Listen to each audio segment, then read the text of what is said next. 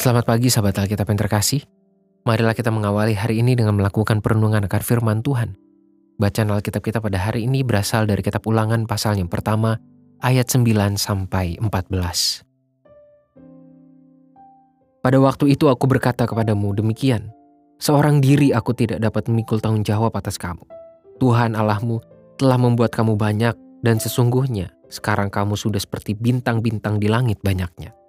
Tuhan, Allah nenek moyangmu, kiranya menambahi kamu seribu kali lagi dari jumlahmu sekarang dan memberkati kamu seperti yang dijanjikannya kepadamu. Tetapi bagaimana seorang diri aku dapat memikul tanggung jawab atas kesusahanmu, atas bebanmu dan perkaramu. Kemukakanlah dari suku-sukumu orang-orang yang bijaksana, berakal budi, dan berpengalaman, maka aku akan mengangkat mereka menjadi kepala atas kamu. Lalu kamu menjawab aku, memang baik apa yang kau anjurkan untuk dilakukan itu. Jabatan dan kekuasaan dapat menjadi ruang jebakan bagi seorang manusia dalam menjalani kehidupannya, entah di hadapan sesama manusia maupun di hadapan Tuhan. Tidak sedikit manusia yang rela menjatuhkan sesamanya demi mendapatkan jabatan tertentu, maupun meninggalkan Tuhannya demi mendapatkan kekuasaan yang diinginkan. Hal ini pun akan semakin diperparah ketika jabatan maupun kekuasaan dijalankan dalam ketamakan dan sikap monopoli. Itulah mengapa setiap manusia perlu membekali dirinya dengan kebijaksanaan dalam memandang jabatan dan kekuasaan, agar keduanya dapat menjadi sarana menuju pertumbuhan, bukan kehancuran. Konsep ini berlaku di segala ruang kehidupan manusia, di mana jabatan dan kekuasaan terdapat di dalamnya, entah di tengah kehidupan bermasyarakat maupun di tengah konteks pelayanan bergereja. Di dalam ulangan 1 ayat 9 sampai 14, kita pun dapat melihat bagaimana cara Musa memandang jabatan dan kekuasaan atau otoritas yang Tuhan berikan kepadanya untuk memimpin bangsa Israel menuju tanah perjanjian.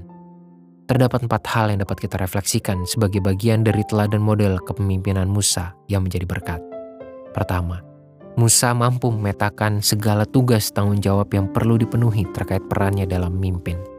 Kedua, ia menyadari kapasitas kemampuan dan keterbatasannya sebagai seorang manusia – dalam menjalankan segala tugas tanggung jawab tersebut.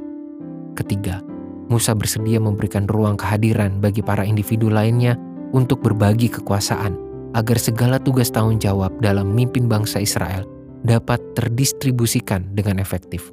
Keempat, Musa memahami betul bahwa jabatan dan kekuasaan yang ada padanya adalah untuk kemuliaan Tuhan, sehingga ia tidak memiliki alasan untuk memonopolinya.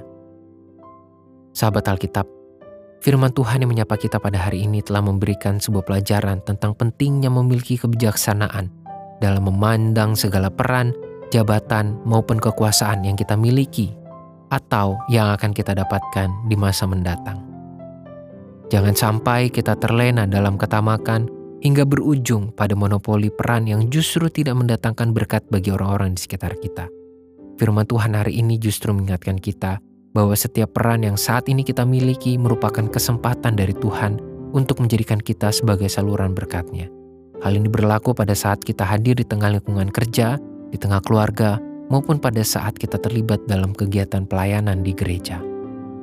Marilah kita berdoa. Tuhan mampukanlah kami untuk memiliki perspektif yang sehat, cara pandang yang mampu melihat jabatan, peran yang kami miliki secara efektif dan adil.